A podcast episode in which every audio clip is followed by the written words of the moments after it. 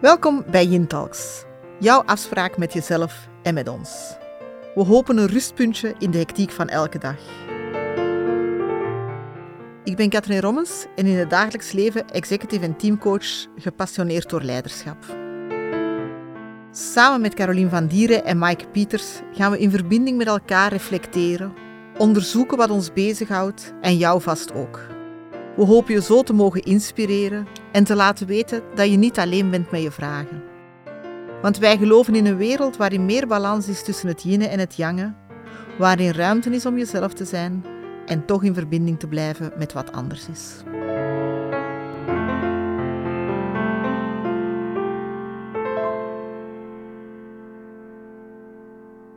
Welkom allemaal op alweer de derde aflevering van Yin Talks, onze podcast verbindende gesprekken over leven, liefde en leiderschap.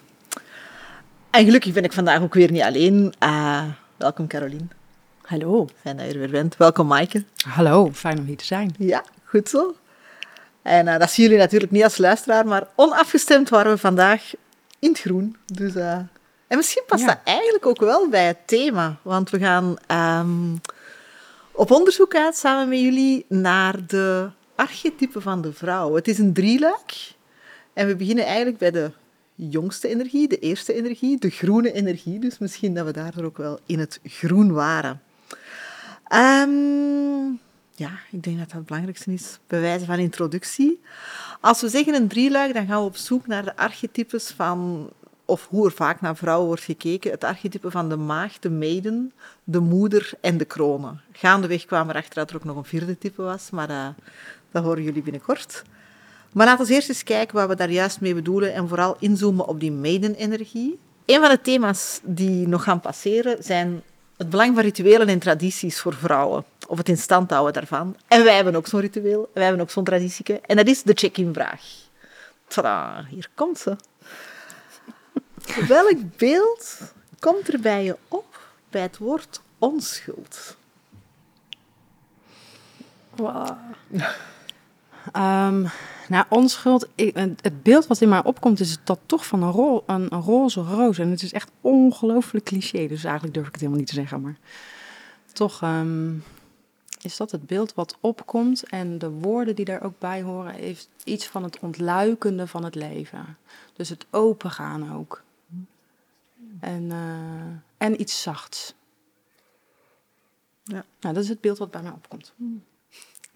Grappig, in de voorbereiding, leuk als je de check-in vragen mag voorbereiden, had ik een heel ander beeld. Maar met dat ik de vraag stelde, kwam bij mij ook een bloem op, maar eigenlijk de krokusjes die je nu stilaan begint te zien. Omdat ik vind, die krokusjes, die hebben zo nog iets heel... Ik vind dat die lef hebben, om zich te laten zien, terwijl alles eigenlijk nog winter is. Maar die hebben ook iets heel kwetsbaar. En die raken mij altijd in hun onschuld, omdat ze de moed hebben om zich te tonen daar waar nog niks is, alsof ze een bepaald soort naïviteit of zo hebben. Mm-hmm. Dus, dus dat beeld ontstond bij mij. Dus, uh, en ik vind het wel grappig dat jij zegt, Maaike, um, een cliché. Ik vind dat helemaal niet zo'n cliché, mm. in, omdat ik absoluut niet dezelfde connotatie heb met onschuld. Ik voel dat onschuld zoiets heel... Oh my god, onschuld. Um, ja, daar hangt niet zoiets uh, vrolijk, positief uh, aan als dat jullie hmm. voelen. Ik vind dat eigenlijk zoiets heel um, bijna gevaarlijk. Okay. Ja, dat is echt heel raar. Dat is mijn eerste, dat is mijn eerste gevoel. Hè. Want als ik dan mm. dat ga rationaliseren, dan denk ik, ah nee, onschuld. Wat hoort er eigenlijk onschuld te zijn? Hè? Maar mm. als maar ik dat dat gewoon... vak weer in een beeld. Dus wat is het beeld? Wat, wat, wat, wat voor beeld komt in je op? Dat van Roodkapje en de wolf. Ja, oké. Maar ik zie vooral Ja. de wolf. De wolf die zo... Die daar, die, zo'n onschuldig rood kapje inderdaad, la, la, la, la, la. En daarachter zo'n wolf. En ik heb vooral het beeld van dan de wolf in de onschuld. En niet zozeer het rood kapje. Dus eigenlijk, de onschuld, dat is wel iets moois, maar die bedreigd wordt of zoiets, waar dat...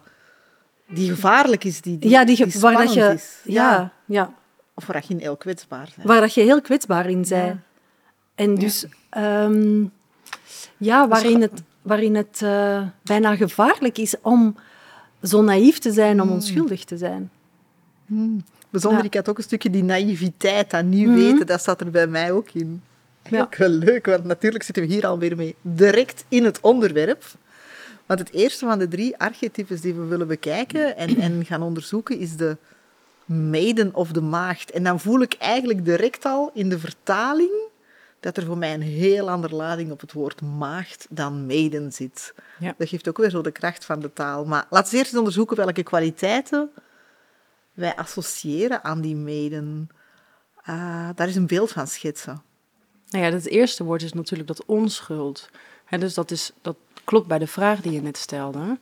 Eh, en ehm, dus eh, vanuit een onschuldige, ontvankelijke manier de wereld ingaan, gaan ontdekken, verkennen.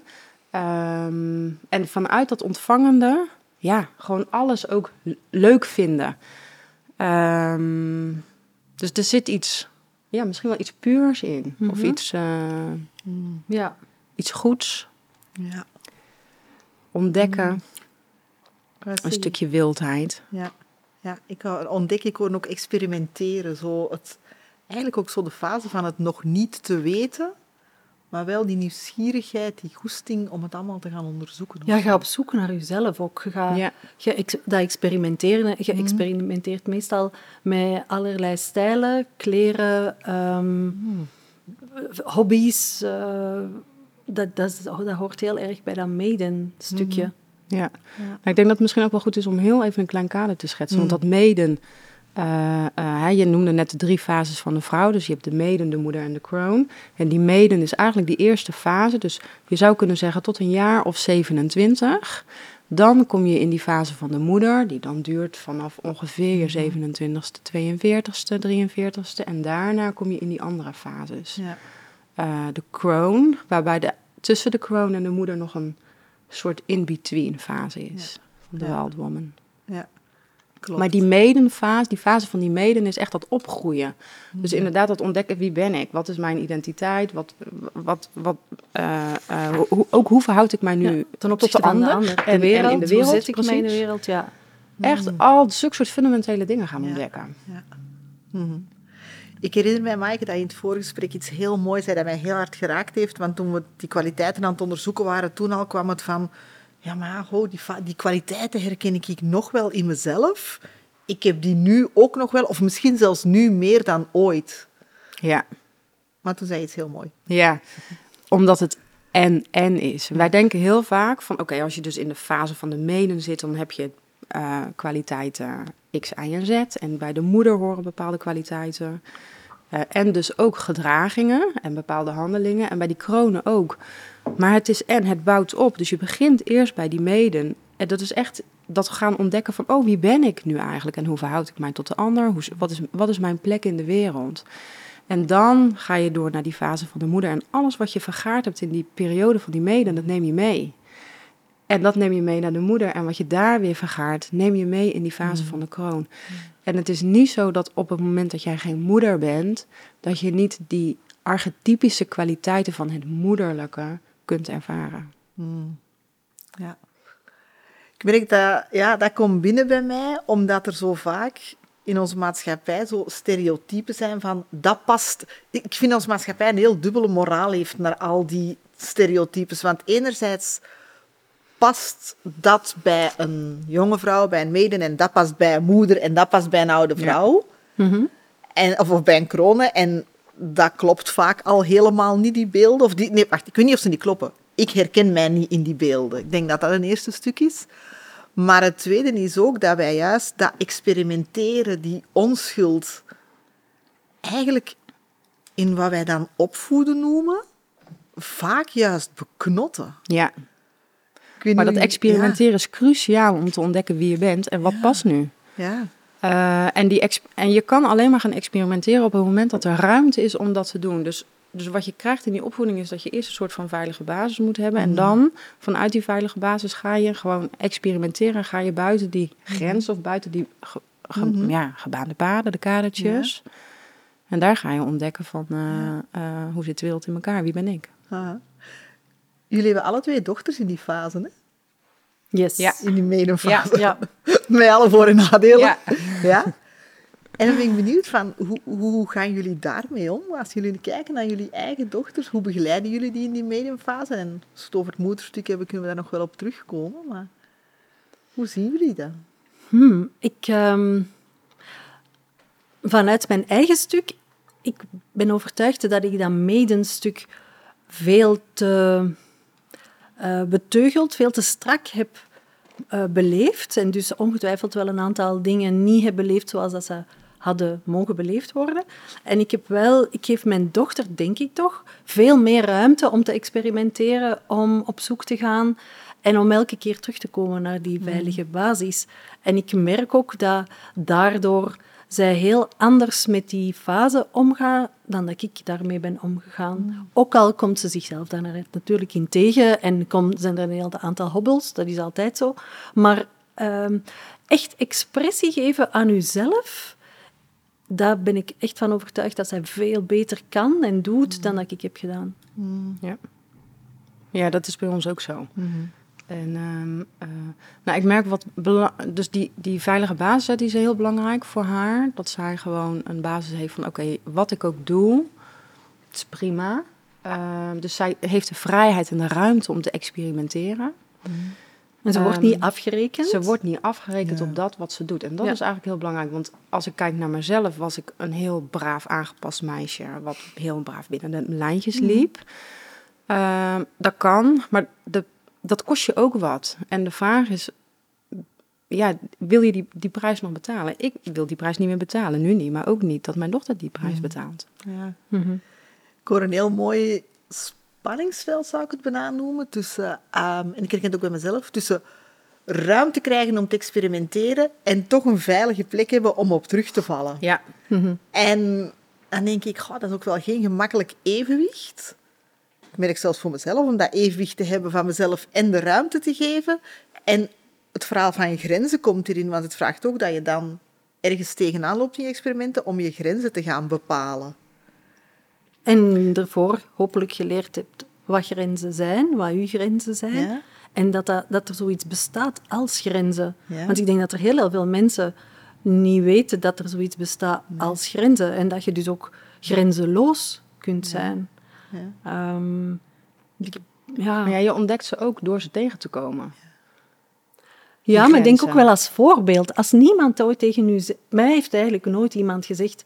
Of mijn, ik ga het anders zeggen. Ik denk niet dat mijn moeder een goed voorbeeld was om aan te tonen dat er grenzen bestaan, wat dat grenzen zijn, uh, wat je daarmee kunt doen, hoe dat die kunnen beschermd worden. En, dus als je dat niet hebt meegekregen, oké, je kunt dan zelf wel ontdekken mhm. dat, dat, dat zoiets bestaat.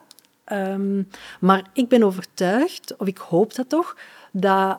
Um, ik zie dat ook wel bij mijn dochter, die heeft toch wel veel sneller door waar daar grenzen zijn en die kan toch wel sneller aangeven waar tot waar mm. en tot waar niet verder. Ja. Ook al is dat nog altijd een zoektocht op die leeftijd, ja. wat logisch is.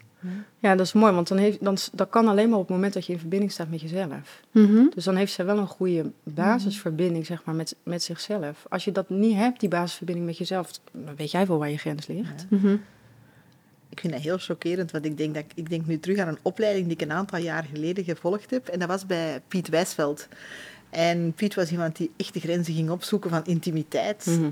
eh, in, in samenwerking, in relaties. Ja.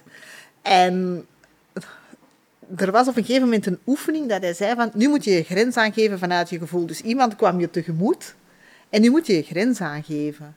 En ik tot, dacht, tot hoe, hoe dicht hoe dicht mag iemand komen? Fysiek gewoon. Puur fysiek. En je mocht een aantal keer stop zeggen, voelen. Ik heb geen één keer stop gezegd. En het was zelfs nog erger.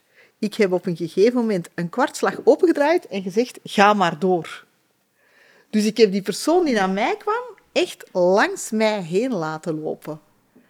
En dan denk hmm. ik van, goh, heb ik thuis geen grenzen meegekregen? Ik denk dat mijn grenzen te, te strak stonden. Ah, ja, dat ik ze niet heb kunnen... Mijn, Of wacht, ik zal zeggen te strak voor mij. Want ik wil niet in algemeenheid spreken. Voor mijn zus waren die meer dan ruim genoeg. Maar voor mij waren die te strak. Waardoor dat ik er altijd tegenaan liep. Maar dus eigenlijk mijn eigen grenzen niet per se heb leren zetten. Mhm. nee. En, maar daar komen we later op terug. Ik zit daar middenin, want het schijnt alles wat je niet hebt gedaan, kom er vroeg of laat terug tegen. Dus vind ik wel heel boeiend om te zien dat, hoe dat werkt. Ja. Nou ja, bij die mede hoort natuurlijk ook de bereidheid om risico's te nemen. Ja. Dus dat is, dat is ook met dat experimenteren, buiten die, buiten die comfortzone gaan. En daar gaan, eh, nou ja, een risicootje nemen, dingen proberen. Kijken hoe iets uitpakt. En dat is zo gek, want wat is een risico nemen? Ik weet, toen ik, ik was volgens mij begin de dertig, dus officieel al uit de leeftijd, maar hoe waarschijnlijk een laadbloeier dan. Ehm, en ik ben toen ma drie maanden met de rugzak door de wereld gaan trekken. Door Azië gaan trekken. Dat was voor mij echt een manier om grenzen te verlengen, grenzen te gaan opzoeken en om dat te gaan experimenteren, ook die vrijheid te gaan ervaren. Echt, de rugzak op, er lag één ticket vast en voor de rest en ik had de veilige geborgenheid van een hele fijne vriend. Ja. Wij hadden geen relatie.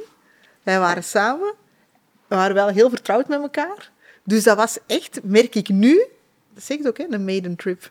Mm. Ik denk eigenlijk, oh, dat raakt mij. Dat was eigenlijk mijn maiden trip om ook... was de eerste keer buiten Europa, ik denk het wel. Of de tweede keer. Echt zo van die grenzen te gaan verleggen, te gaan ervaren. Ehm, maar wel met een stukje veilige bescherming. Maar ik vind, Secure vond dat juist tof dat je eigenlijk bijna geen bescherming had. Ja. Omdat je, je, ik denk dat je in een fase zit ook waarin dat je, gelukkig maar, je niet bewust bent van een heel aantal risico's. Van een heel aantal, je hebt ook niet zoveel verantwoordelijkheid op dat moment, nog niet. Ja. Buiten de verantwoordelijkheid voor jezelf. Je hebt niet zo heel, heel veel te verliezen. Wat maakt dat je veel bolder de wereld in kunt stappen. En ik heb toen dingen gedaan ja, eh, waar dat ik niet zo heel, heel veel heb over nagedacht en die heel, heel juist bleken te zijn, die ik nu niet meer zo op die manier zou doen. Maar volgens mij is dat ook de crux van die fases. hè. Jij zegt net van, goh, misschien was ik een beetje een laadbloeier, want ik was al voorbij die leeftijd van Ja. 27 jaar toen ik dat ging doen. Maar volgens mij gaat het om dat je dus al die aspecten van dat archetype je eigen maakt. Of je daar kennis mee, mee Ja. eh, gaat maken. En als je dat niet doet in die eerste fase van je leven, dan zal je dat op een later moment gewoon moeten doen of willen doen. Hè? Dus dan komt Ja. dat verlangen van binnenuit Ja. van, hé, hey, er ligt, hier ligt nog iets Mhm. wat ontwikkeld wil worden, wat gezien wil worden. Ja, als ik daar nu op terugkijk, dan denk ik dat ik daar eigenlijk pas een stuk mee ben beginnen werken na mijn eerste scheiding. Want daarvoor, ik heb gestudeerd. Sommigen vonden het al stoer dat ik naar Erasmus ging, terwijl ik dat toen heel normaal vond. Het is nu veel normaler dan toen ook al, denk ik. Ehm, en dan ja, ik had een relatie en dan gaat het trouwen. En ja, de volgende stap had kindjes geweest. Maar eigenlijk zonder erbij na te denken, maar wel vanuit een heel aangepast gedrag. Dus, ik- En ik denk dat dat inderdaad voor, voor, voor de generaties van nu, ik zie dat ook bij mijn zus en zo, de kinderen krijgen veel meer de ruimte. Maar dat wij weinig ruimte, alleen ik, toch minder ruimte heb gehad om die mede-energie echt te gaan...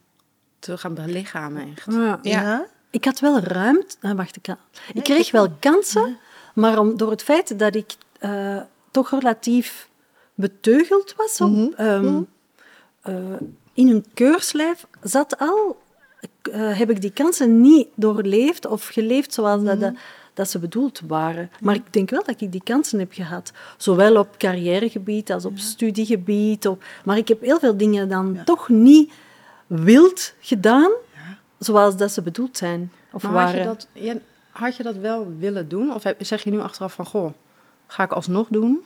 Ehm, hmm, moest ik mijn leven opnieuw doen, dan denk ik wel dat ik dat zou doen. Ja, want dat, dat zou mij zeker veel... Dat zou mij nu veel meer opgebracht hebben. Dat zou mij veel verder gebracht hebben dan ik nu ben. Kun want je- zoals ik Katrien een voorbeeld van noemen dan? Goh, ja, dat echt, eh, ik noem dat echt wild zijn, dat echt, echt helemaal jezelf zijn, daar zou ik dan nu niet... Ik, een stuk daarvan ben ik nu nog aan het onderzoeken en aan het ontwikkelen. Ik ben overtuigd, als ik dat toen had gedaan, dan had dat nu niet meer aan bod moeten komen. Dan was dat al veel meer Ja. geïntegreerd. Ja. Ja. Ehm, terwijl dat, dat toen niet was. Dus ehm, ik kreeg wel die kansen, maar ik heb dat dan niet gedaan. Waarom? Hm, ja. Ik weet niet. Ik denk dat ik, ik was een heel bange ook.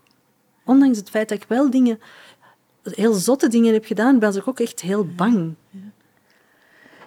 Ja, ik weet niet of ik zozeer bang was. En als ik zeg ik heb die kansen niet gekregen, dat is niet waar. Maar er zit toch een bepaald patroon En we hebben dat de vorige keer ook gezegd, hè, hoe we alle drie eigenlijk heel flinke, deftige, aangepaste meisjes zijn geweest en zo.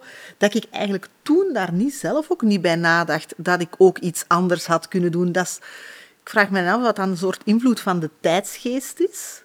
Terwijl, ja, ik, als ik nu eigenlijk terugdenk, had ik toen mensen om mij heen die die zotte dingen deden van mijn leeftijd. Ik weet dat Of eigenlijk aanmoedigde. Ja, je hebt stimulans nodig, Mensen die Nee. dat zo aanmoedigen? Nee, helemaal niet. niet. Nee. En heb je dan heb je dingen laten liggen die je Eh, niet had? ja, zeker. Hè, wat jij nu net zegt van met je rugzak een aantal Ja. maanden of een jaar eh, gewoon door de wereld trekken. Dat heb ik niet gedaan. Terwijl dat En je dat misschien wel Terwijl ik dat eigenlijk doen. heel graag had willen en ik wil het nog steeds doen. Dus ik heb al gezegd tegen mijn kinderen, op het moment dat jullie mij niet meer nodig hebben, dan, want ik voel gewoon van dat moet ik doen. Dat, dus Mhm. dat is iets wat ik nog, ja, ja, waarom weet ik niet precies, maar dat moet het nog gebeuren. Ja. Ja, Maar En dus, ja, zeg maar. Nee, dat is zo grappig als je dan kijkt van... Als ik nu terugdenk aan welke reacties dat ik toen kreeg. Allemaal goed bedoelde reacties. Hè. Ik weet nog dat mijn baas toen zei van... Weet jij met dat geld hoeveel maanden... Hoeveel, hoeveel maanden... Nee, hoeveel jaren dat jij je lidmaatschap in een golfclub kunt... En ik had zoiets Hallo? van... Serious? ja. Dus, dus dan zie je zo echt... Ook een aantal mensen hadden zoiets van... Wauw, ik wou dat ik het ook kon. Dus dat verlangen zit ook wel in veel mensen. Maar ook in andere mensen zat zo echt... Die angst al ingeslepen, of die in het rijtje lopen, of, of heel andere waarden en normen, dat ik denk van, ah, dat heeft ook wel iets met mij gedaan toen. ja. Ehm, en dan denk ik, ik, ik had zojuist ook nog zo'n gedachte van, enerzijds moeten we die ruimte geven. De tijdsgeest werden we misschien minder aangemoedigd, maar eigenlijk was het toen veel veiliger om te doen. Heeft het ook niet iets te maken met het feit dat je op die leeftijd zo al ehm, het leven voorbij wilt hollen of zo? Dat je een heel aantal dingen wilt die toch nog niet voor u bestemd zijn?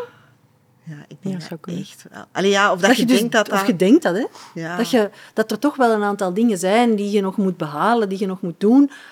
En die ten koste gaan dan van het beleven in het hier en nu van die fase. Maar dat is grappig dat je dat zegt, want dat is dus dat, dit, dat is precies zeg maar als je het over yin en yang hebt, de onbalans in onze maatschappij, want wij zijn continu bezig met de toekomst en met doelen najagen en met de, de volgende stip op de horizon.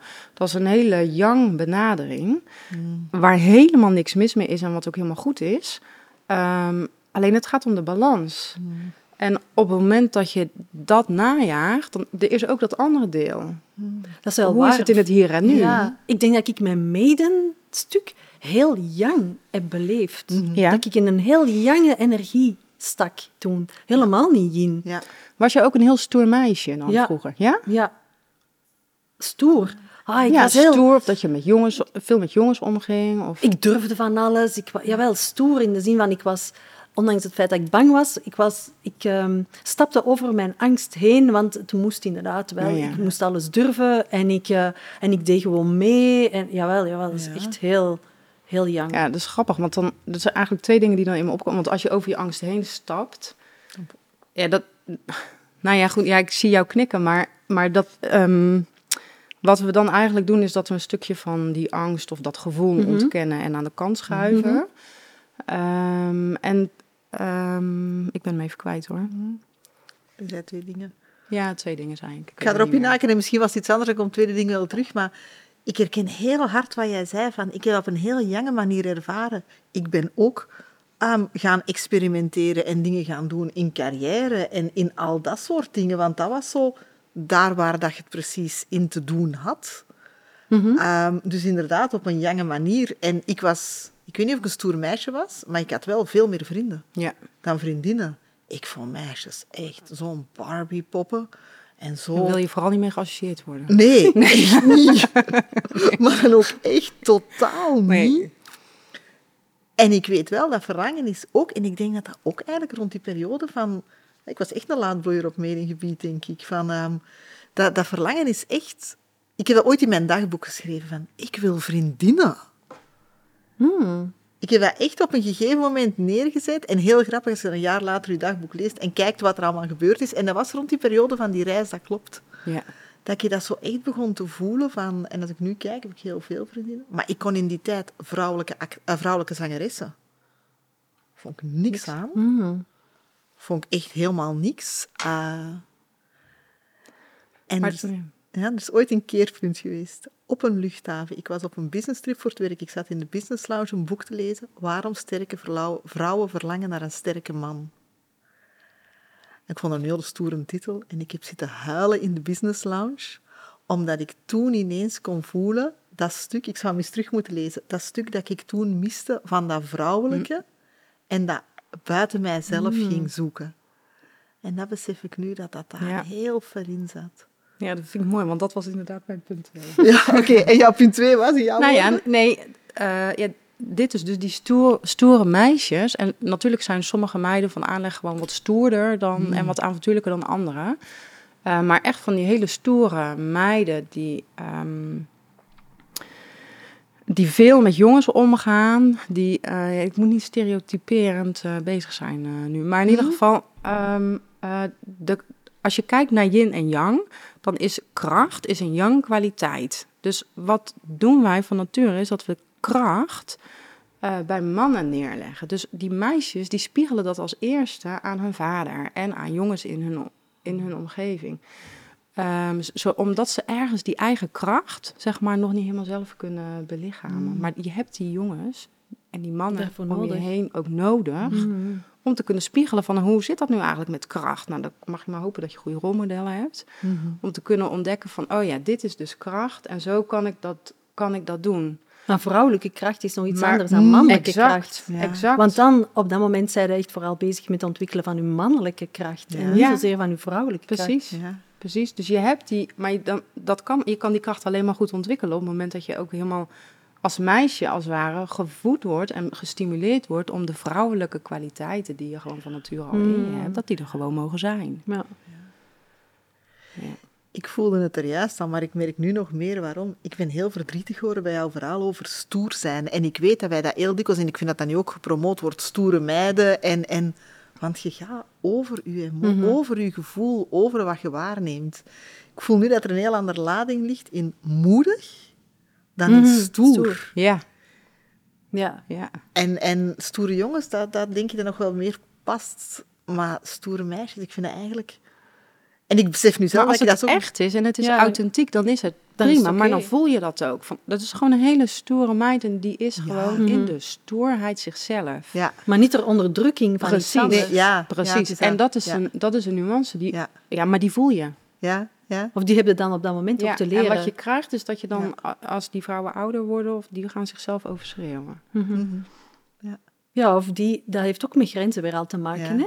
Want eigenlijk is dat stoere je eigen grenzen niet, niet bewaken.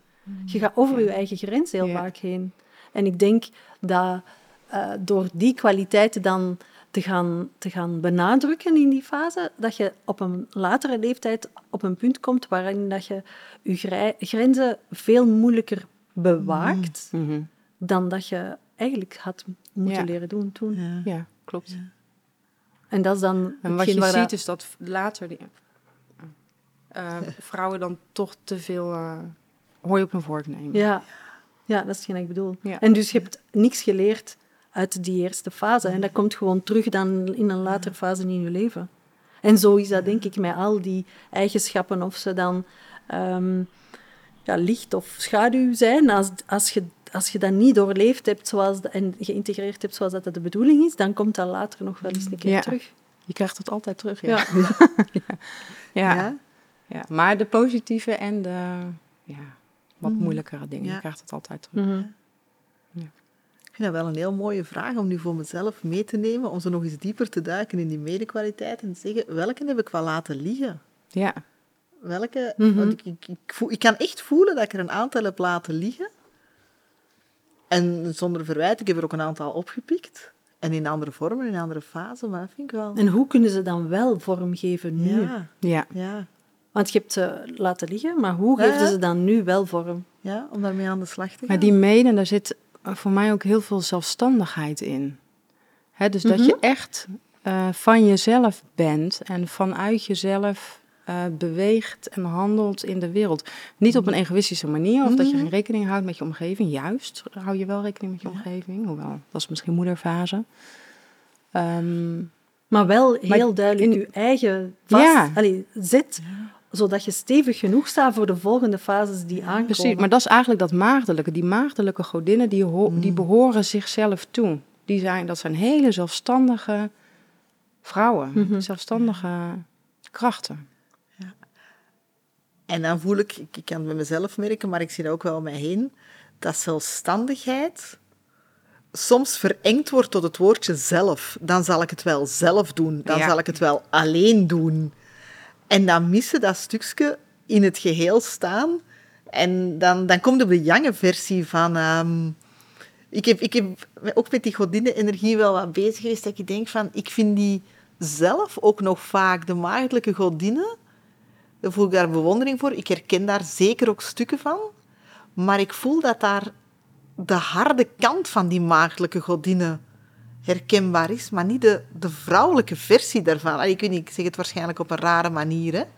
Maar ik heb precies te veel voor mezelf geleerd van die wat hardere kant, die, die, ja, de zelfkant van zelfstandig. Zonder verbinding, like Artemis was heel veel verbonden met de natuur en met de dieren. Dan denk ik van, ja, als je dat stuk mist, dan wordt het zelf en ook wel alleen en eenzaam. Mhm. En, en dus het is de... Het zijn alle facetten en alle lagen Ja, die even belangrijk zijn. En die allemaal ehm, in ons eh, ergens liggen te sluimeren. Mhm. Eh, en ja, bij tijd en wijle misschien wakker worden gemaakt. Mhm. eh, en en naar, naar boven willen komen. Als je nu voor jezelf gaat kijken, welke medingkwaliteiten zijn jullie echt zo van, oh, die, die voel ik, die herken ik, die, die kan ik echt zien die goed ontwikkeld zijn bij mij. Het rebelse. Ja? Ja? Ja. Hoezo dan? Ja? Ja, ja ik, ben, ik ben wel een rebelse. Ik denk dat dat, dat, dat daar wel ontstaan is, dat ik dat heb ontwikkeld. Ja. Ja. Ik vind ook Maar dat is niet om dat te rebels om zijn. rebels nee, nee, te nee, zijn. Nee, ik Dus dat gewoon, is- dat is mijn eigenheid. Ja. En, mijn, en toevallig is dat dan heel vaak ehm, niet mainstream, waardoor het dan ja. wordt gepercipieerd als rebels. Ik wou zeggen, is het niet gewoon jezelf zijn, maar wat Ja. dan als er inderdaad rebels wordt gezien omdat het Ja. misschien niet zo snel in een hokje past of zo? Maar dat, maakt mij, dat raakt mij ook niet, dat Nee. mensen daar dan het etiket Nee. rebels op plakken. Ja. Dat is eigenlijk helemaal oké. Ik vind dat grappig dat jij zegt Ja. rebels, want bij mij, mijn versie van rebels is tegen. Dat is, dat is in interactie Ja. met anderen, dus dat is tegen. Een beetje schoppen. Dat is, ja, dat is, dat is- afzetten. Ja, afzetten tegen. Maar dat voelt voor mij een heel jonge versie van rebelsenergie. Dus ik ben benieuwd, want ik zie, dat, dat rebels zie ik niet in u. Is dat dan niet eerder... Re- dat rebels is uiteindelijk toch gewoon mijn goesting doen. Ja. Ja. Oké. Ook al vindt heel de wereld daar iets van, Ja. ik, ik denk dat ik toch op een of andere manier gewoon mijn, mijn, mijn mening, mijn ding, mijn, zonder dat ik dat altijd expliciet de wereld instuur. Maar ik, ik ga dat wel ehm, op die manier leven en beleven. Eigenlijk zo'n hoog voertgehalte. Het vindt er iets van, maar ik doe het toch. Ja, Ja.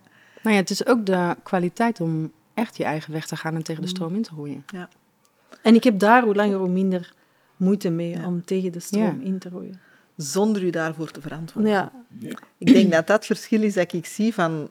Ik doe ook mijn eigen goesting, maar ik wil... Ik ga mij daarvoor verantwoorden of ik wil daar toch nog in gezien worden of erkenning voor krijgen vanuit die buitenwereld of het toelichten of het gaan vertellen. En ik las pas een zinnetje en ik vond het eigenlijk schitterend. Nee, punt, is ook een antwoord. Ja. en ik dacht van, ah, die moet ik gewoon echt onthouden. En die nee, die voel ik bij u heel hard. Bij mij is dat nee, want, en dan komt er een hele uitleg en dan moet je daarin meegaan. Nee, punt. Dus en, en dan voel ik echt die zelfstandigheid, want dan maakt u echt dat niet maakt eigenlijk niet veel uit. Nee. Hoe zie je dat dan terug in, eh, gewoon in je dagelijks leven en in de maatschappij of in het bedrijf waar je hebt gewerkt? Ehm, ik denk dat ik dat in de tijd dat ik ehm, voor bedrijven werkte, zeker nog niet zo goed had ontwikkeld als nu. Maar dat... ehm, hoe zie ik dat? Ehm, ja, ik, ga, ik kan gewoon voor iets blijven staan. Ook al duwt en... Of wordt er op mij geduwd of zo, voor, Ja. bepaalde onderwerpen. Of, ik, blijf, ik kan gewoon blijven staan. En dat is dan maar. Het dan maar. Dus het is oké. Ehm, dat, dat, is, dat is eerder het gevoel. En dus omdat ik blijf staan, ook als andere mensen duwen of een andere mening hebben, of dat de meerderheid van de mensen daar iets anders over vinden, komt dat dan voor de buitenwereld als heel rebels over. Ik zelf voel dat niet echt zo, maar dat is wel, dat is wel het Ja. etiket dat ze daarop plakken. Ik vind dat wel eh, grappig dat jij de link maakt, Maaike, naar, naar organisaties. Want dan denk ik, hoeveel ruimte is er in organisaties om die mede-energie in te brengen? Enerzijds hebben we de mond vol van innovatie, hè, die, die, waar je eigenlijk heel veel deze energie voor nodig hebt. Maar hoe vaak kom ik niet in organisaties waar jonge mensen worden aangenomen voor innovatiekracht en na een half jaar er helemaal klaar mee zijn, want elke keer dat ze zeggen, zullen we dat zo eens doen, Ja. krijgen ze door, ah, dat werkt niet, dat hebben we al geprobeerd. Ja, of je mocht gewoon niet je experimenteren. want stel je voor dat je experimenteert, dat dat geld kost en dan Ja. niks opbrengt. Ja. Nee, dat gaan of, we dan of niet dat doen. niet gaat lukken. Ja. Of, dus ik, ik merk ook, als je kijkt in onze maatschappij, of, of in organisaties, die mede-energie, waardoor nieuwe dingen ontstaan, er is heel weinig ruimte voor Ja. op dit moment. En zit waar, ook waarin dat je jezelf Ja. sterk Ja. zet ook als Ja. organisatie, want er ontstaan nieuwe dingen. Tuurlijk. Maar die mede is ook om jezelf echt in de wereld te zetten. En ehm, dat, dat kan dus ook niet ontstaan in organisaties. Terwijl elke organisatie ooit ontstaan is uit die mede-energie Mhm. van iemand die zei van, dit moet anders. Of ik ga iets, vanuit die bepaalde rebelsheid en vanuit ook zo'n beetje die Langkous gehandeld. Niemand heeft het ooit gedaan, dus ik denk wel dat kan. Dat is ook zo echt die mede-energie, vind ik. En dan denk ik van, ah ja, en dan wordt een organisatie groter en dan stopt dat ergens. Zo Mhm. van, Ja. ja, Ja. ah, zo. Dan moeten we naar een volgende fase. Ik zeg dan, en dan moeten we naar een volgende, Volgende fase. fase. Ja, nee, inderdaad. Ik merk eigenlijk dat dit proces van die podcast, dat ik ook dat afremmen van die mede-energie ben tegengekomen. Ik had op een gegeven moment naar iemand uitgereikt die ook podcasts maakt en gezegd van ja, en dat is het idee en dit en dat. En ik zat echt super in mijn enthousiasme. En ik kreeg toen, ja, maar je moet daarop letten, het moeten de juiste stemmen zijn. En, en er kwamen ineens zoveel regeltjes en kadertjes en voorwaarden, terwijl ik gewoon niet zou experimenteren. En ik weet nog hoe ik mij toen voelde. Ik was toen eigenlijk heel verdrietig. Mhm. Gelukkig. En wat is dat verdriet dan? alsof dat wat er wou ontstaan, of, dat, of die speelsheid, of dat onbevangene, dat is voor mij ook een woord dat hier heel veel bij hoort, of dat ineens weer in een keurslijf moest gegoten worden, weer aan voorwaarden. Je moogt innoveren als, en dan kwam het lijstje van wat er allemaal moest voldaan worden. En dat vind ik dan... Wat doe jij daar dan mee? Ehm, Wat gebeurt er dan als zo iemand inderdaad zijn lijst geeft? daar heb ik... Vroeger zou ik daarmee in de strijd zijn gegaan. Dan zou ik daar tegenaan zijn geschopt vanuit een eigen pijn. Eigenlijk heb ik nu zo gegeven van, ah ja, goed dat je dat zegt, ah ja. En in mijn eigen dacht ik, weet wat. en, en dus eigenlijk ook een stukje van rebelsheid, maar niet meer het vechtende rebelse. Gewoon het van, ah ja, dat is ook een manier om er naar te kijken. Maar vroeger zou ik mij daar waarschijnlijk door hebben laten doen en gedacht van, ah ja, zie je wel, dan is dat niks voor mij. En zou ik eigenlijk mijn zelfstandigheid hebben opgegeven om toch aan te passen. Ja. Ja, het beeld wat bij mij opkomt is eigenlijk het vuur wat gedoofd wordt door Ja. er gewoon een bak zand op te kieperen, Ja. zeg maar. Dat is het, hè? Veel beter kun je hem echt niet doen. En dat dat misschien een stom klein vonkje is, da- daar kom ik dan zelf wel achter. Dan moet ik dan zelf maar ontdekken dat dat niet goed is. Maar dat inderdaad, Ja. ja. ja. Maar even reclame maken. Gelukkig ben ik toen bij 50 koffies terechtgekomen. en is deze podcast er nu wel. Ehm, want dat, dat was wel een heel verfrissende, jonge energie. En, en ja, daarvoor Ja. is het wel iets heel anders geworden dan ik toen bedacht had. Maar, maar ja, dat, dan voel ik ook wel die bedding, die veilige bedding om iets uit te proberen. Ook wel die wijsheid om dat in te brengen, maar dat dat wel belangrijk is. Ah. Maaike, volgens mij heb jij nog niet geantwoord welke kwaliteit van die mede-energie jij echt een volle beleeft in jezelf en erkent. Oh, Ja, wat ik volle beleef. Ehm, ehm, ik denk dat het sowieso best wel een hele tijd heeft geduurd voordat ik dit hele stuk dat is ook pas ver na mijn 27ste gekomen. Mhm. Dat ik alles van dat hele medenstuk... eh, eh, dat ik me daar een beetje bewust van werd en eh, wat kon integreren. Ehm, ik merk gewoon dat ik steeds beter weet wie ik ben. En dat ik steeds meer en meer voel van dit is wie ik ben en waar ik sta. En dat een soort van geankerd zijn in mezelf, waardoor ik gewoon zoveel meer kan hebben uit mijn omgeving of van mijn omgeving. Ja, als dat, dat is eigenlijk de grote winst van, de, Ja. Van die fase voor mij. Mm. Ik wil daar nog wel iets in inbrengen, Ja. want ik voel dat ik heel regelmatig nu wel verlang terug naar die medenfase. Dat gaandeweg ik toch wel een aantal dingen heb laten ondersneeuwen of ehm, ja, in, in je moederfase, dat je dan eh, die stukken die echt bij jezelf horen wel laat verwateren. En dat ik heel duidelijk voel van, wow, om mijn ehm, wildheid terug te vinden, heb ik Ja. echt wel daar naar terug te gaan. Precies, er mag weer meer ruimte komen Ja. voor dat stuk. Ja, Ja. Ja. maar die voel ik ook. Ja. Ja. Ja. Ja. Ja. Ik heb altijd verwoord als mijn vrijheidsdrang. Maar ik denk dat inderdaad die, die ja, dat gaan experimenteren, dat gaan spelen. Het, het woord spelen komt ook heel hard in Ja. mij op. Van, ehm, goed. Ik ben benieuwd waar onze volgende medentrip naartoe gaat, dames. Misschien moeten we die gewoon eens gaan doen. Geen, geen retreat of zo, maar gewoon zeggen, we pakken onze rugzak en we gaan een paar dagen ja, en in weg. feite, nou ja, alleen. Of ik heb dat gedaan de Ja. voorbije jaren.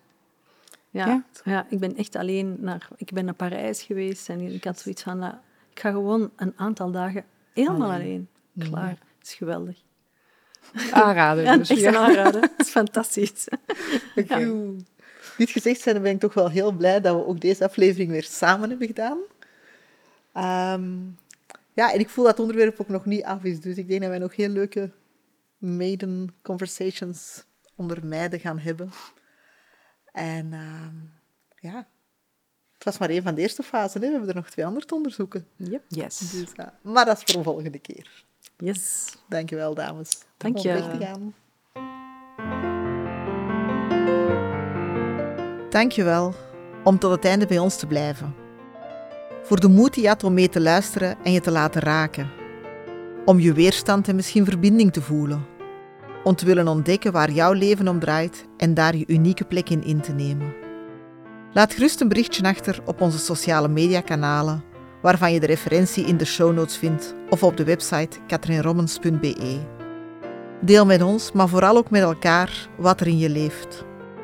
Op onze blogpagina vind je een aantal tips, een artikel, een reflectievraag, zodat je ook verder aan de slag kan. En vergeet niet, you are good enough and not finished.